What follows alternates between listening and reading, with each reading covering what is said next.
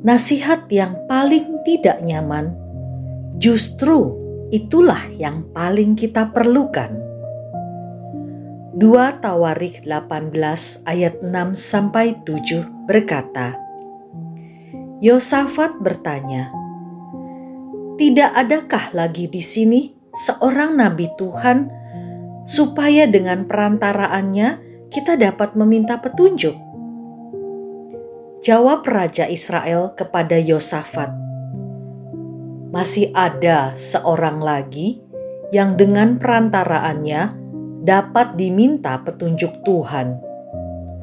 Tetapi aku membenci dia, sebab tidak pernah ia menubuatkan yang baik tentang aku, melainkan selalu malapetaka. Orang itu ialah Mika bin Yimla, orang yang dapat menerima nasihat dan menerima kelemahannya. Sesungguhnya, orang ini baru saja menambah satu kelebihan pada dirinya.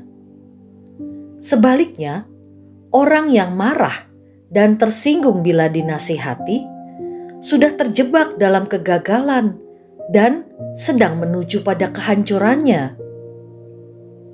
Ciri penasihat yang baik dan benar adalah tidak mencari pujian dan kehormatan mereka bicara apa adanya sesuai kenyataan.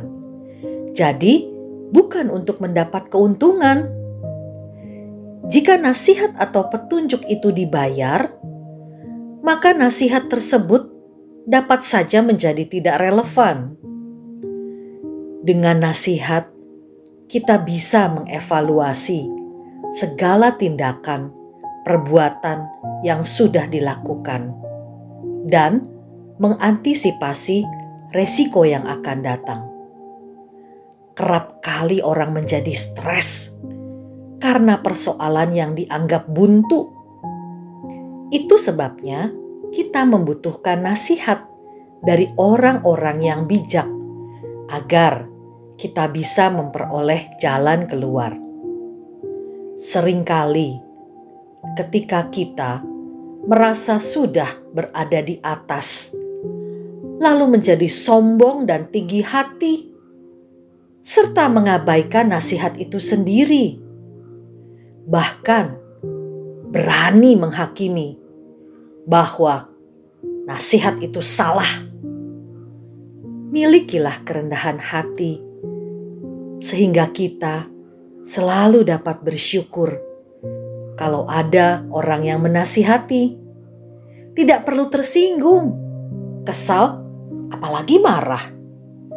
Ada kalanya memang Tuhan menyuruh seseorang untuk menasihati kita agar kita tidak keluar dari jalur kebenarannya.